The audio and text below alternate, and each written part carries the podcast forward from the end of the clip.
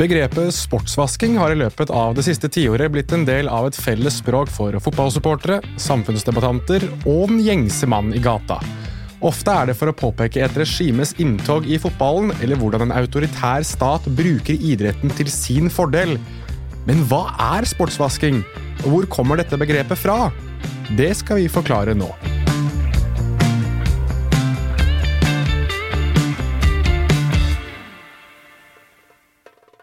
Uansett om du anser deg selv som fotballsupporter eller ikke, så kom du nok ikke unna begrepet sportsvasking i opptakten til fotball-VM i Qatar.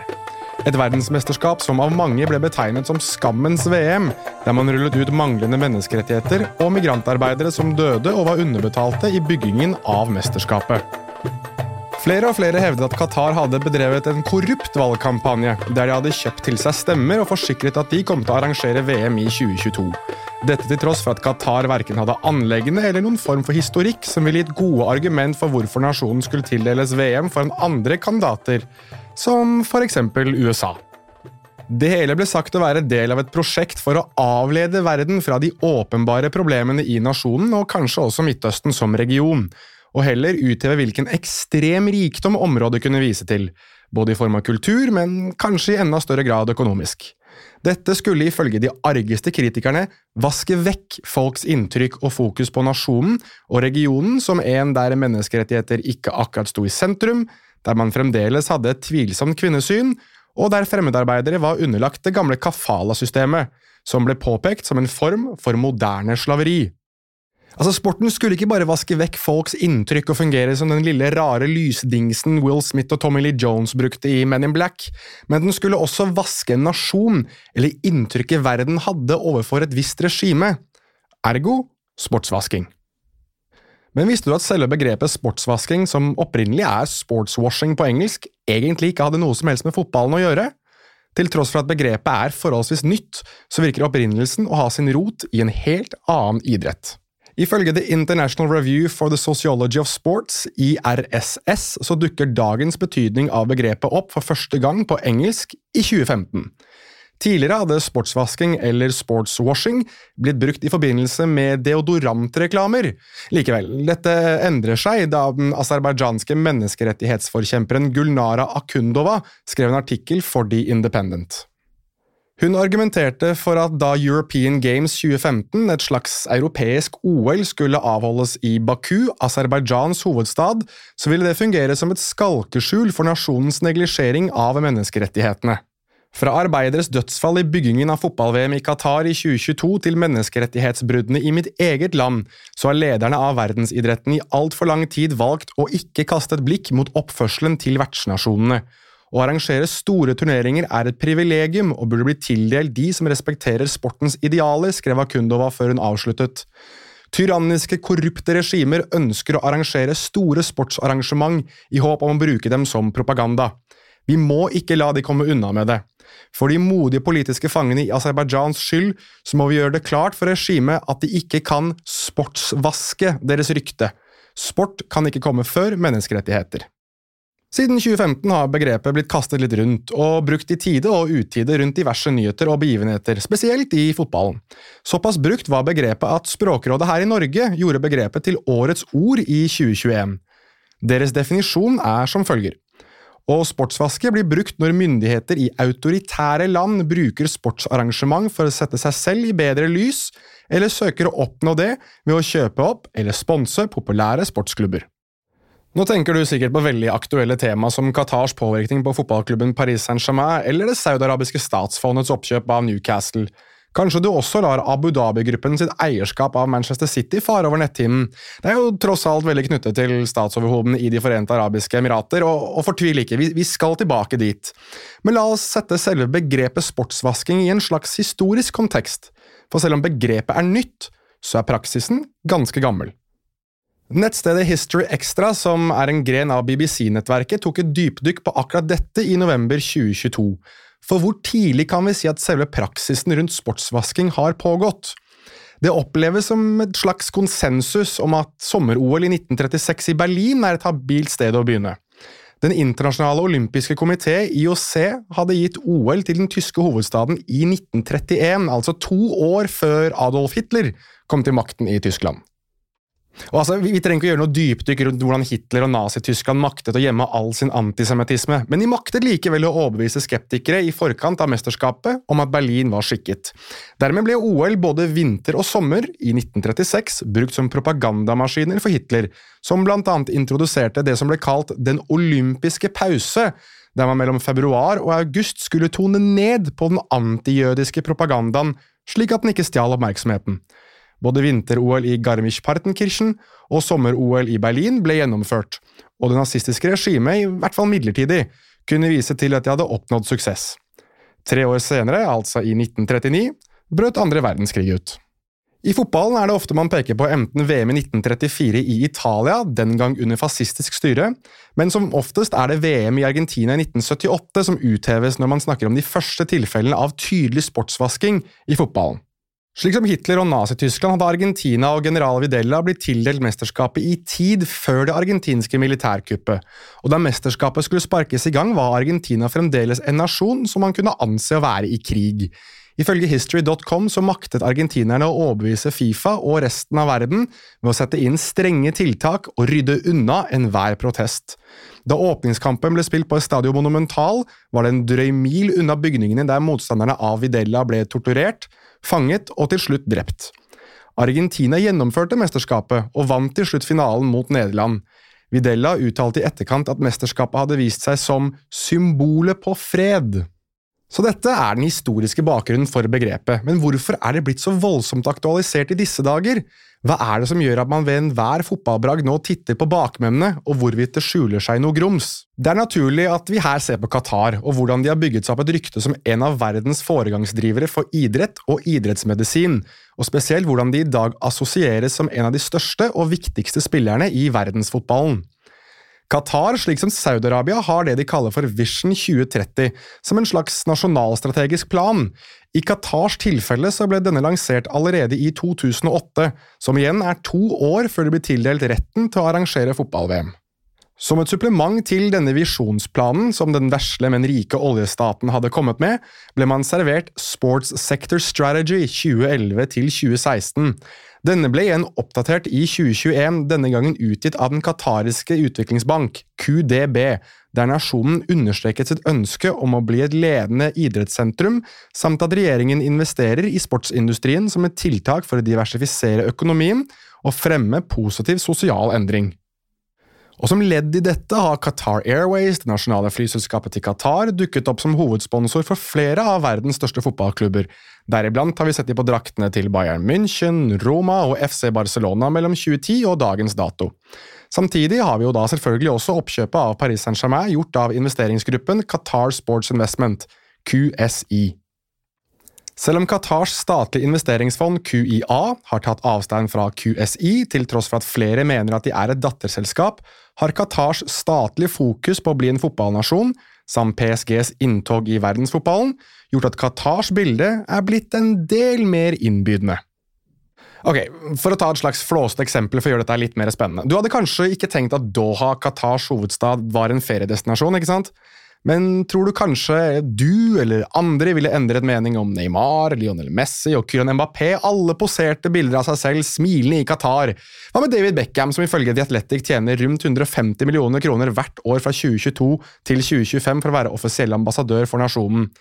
Det er nok mange der ute som ikke nødvendigvis vil tenke på en del av de interne problemene i landet, for hvis Beckham sier det ok, så må det jo være ok, eller? Det er jo tross alt David Beckham, ikke sant? Det er nok mange som vil peke på Qatar som en stor, stygg ulv, men den samme kritikken, kanskje ikke like krass, har kommet i retning det europeiske fotballforbundet, Uefa, for sitt sponsorat med russiske Gazprom. Mellom 2012 og 2022 betalte det statseide russiske energiselskapet De Reuters melder å ha vært verdt 40 millioner euro, eller i underkant av 450 millioner kroner, årlig til Uefa for å ha sin reklame på turneringer som Champions League. Denne avtalen ble kansellert da Russland invaderte Ukraina i februar 2022. Da Atletico Madrid gikk til topps i La Liga i 2013-2014, løftet de trofeet til himmels med sponsoren Aserbajdsjan, Land of Fire, på drakta. Dette var da Aserbajdsjans forsøk på å fremme turisme til nasjonen ved å kjøpe sponsorplass hos Atletico Madrid, til tross for at nasjonen skåret som en av verstingene på flere spørsmål rundt menneskerettigheter i landet. Både Arsenal og PSG har vært sponset av Visit Rwanda, som er Rwandas svar på det Aserbajdsjan gjorde med Atletico Madrid.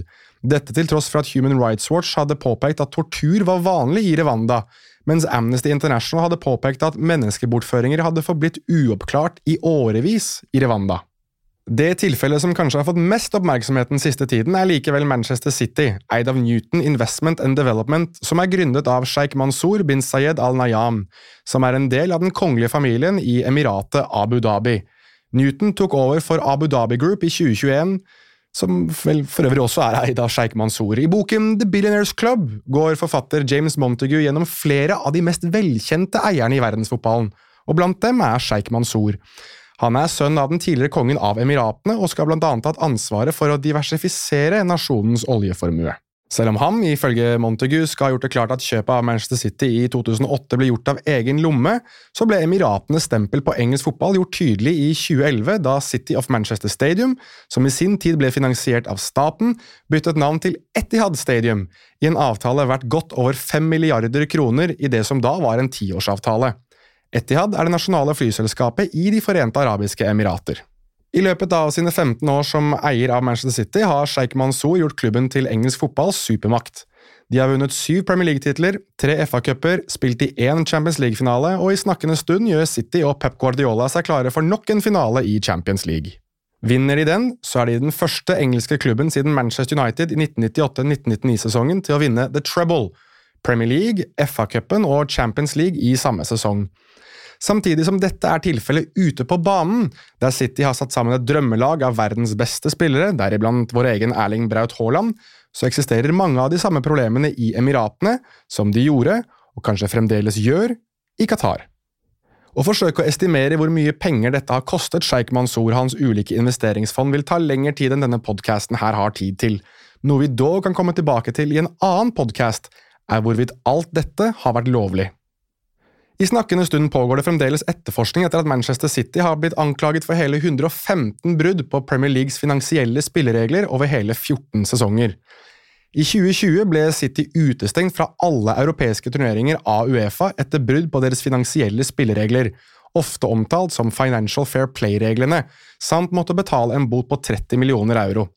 Etter å ha tatt saken sin til idrettens voldgiftsrett, bedre kjent som KASS, ble dommen omgjort, City ble værende i Europa og måtte kun betale 10 millioner euro i bot.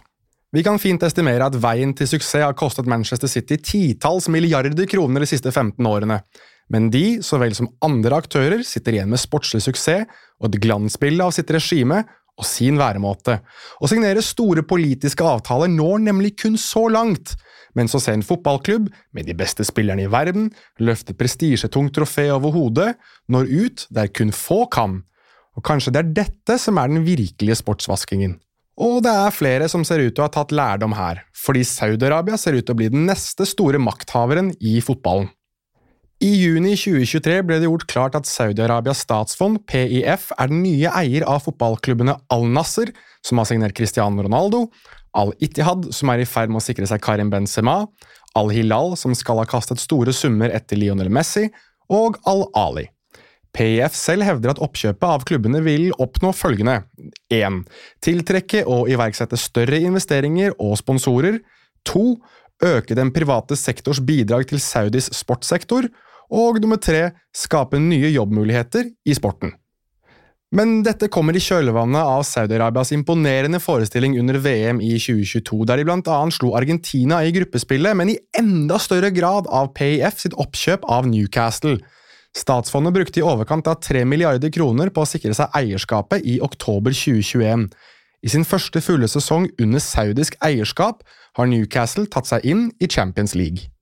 Og I et utvalg av disse kampene som har ledet til Champions League-spill, har klubben spilt i sine hvite og grønne bortedrakter, farger som på ingen måte assosieres med Newcastles tradisjonelle sorte og hvite striper. Hvit og grønn er fargene på landslagsdraktene til Saudi-Arabia, I et intervju med The Guardian fortalte Amnesty UKs Felix Jakens at dette avdekker saudipengenes makt og kongerikets besluttsomhet rundt å sportsvaske sitt blodige og brutale menneskerettighetsomdømme. Saudi-Arabia blir nemlig ofte omtalt som en av de absolutte verstingene hva angår menneskerettighetsbrudd, og blir blant annet pekt på i forbindelse med drapet på journalisten Jamal Khashoggi i det saudiarabiske konsulatet i Istanbul i 2018. Nasjonen, til tross for innførte reformer, anses fremdeles som en som begrenser ytringsfrihet, kvinners rettigheter og har gjort homofili ulovlig. Et annet eksempel er massehenrettelsen av 81 menn på samme dag i mars i 2022, der lovbruddene blant annet skal ha vært drap av uskyldige menn, kvinner og barn. Til sammenligning ble i alt 18 mennesker henrettet i USA i hele 2022. Ifølge en artikkel i New York Times publisert i juni 2023 har saudiske myndigheter tatt avstand om at de bruker sine investeringer i sport, og spesielt fotball, for å maskere deres dårlige menneskerettighetsstatistikk. I artikkelen hevdes det at Saudi-Arabia selv skal ha uttalt at de bruker investeringene for å blidgjøre sitt sportsinteresserte folk, motivere til fysisk aktivitet blant befolkningen, der overvekt og diabetes er normalt. Men kan vi snu litt på hvordan man faktisk definerer sportsvasking? I et intervju med Dagbladet i 2022 forklarte nasjonens ambassadør til Norge, Amal Yahya al-Mualimi, at nasjonen på ingen måte ønsker å vaske sitt bilde med sine investeringer i fotballen og andre idretter. Likevel har dette et klart formål. Sitat, Vi har sett dette med Paris Saint-Germain og Manchester City. Dette er ikke noe nytt eller en trend vi har startet, sa al-Mualimi. Du kaller det sportsvasking, jeg kaller det myk maktdiplomati. Det er et verktøy som andre nasjoner også bruker. Man bruker universitet, kunst, teatre, aviser. Dette er verktøy til myk makt. Det er ikke verktøy til å skape et godt bilde av landet, men til å reflektere det fine bildet som allerede er der. Og der ligger forskjellen, sa al-Mualimi i intervjuet. Sånn For ordens skyld så ble akkurat det intervjuet gjort av undertegnede i denne podkasten. Regimers ønske om å involvere seg mer i idretten og bruke dens emosjonelle påvirkning på folk til deres vinning har gjort at fotballsupportere kanskje nå mer enn noen gang må ta stilling til noen store etiske dilemma.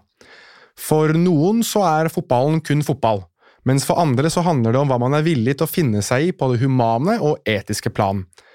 For det vi i dag kaller sportsvasking, har unektelig et formål, og det er strengt tatt vanskelig å argumentere mot hvor suksessfullt det har vært. Likevel er det kanskje her fotballen og dens supportere må stille seg spørsmålet hvor mye skal det koste å la seg vaske? Dette var det for Fotball forklart for denne gang. Vi er nå også på sosiale medier, både på Instagram og Twitter, under uh, brukernavnet Fotball forklart.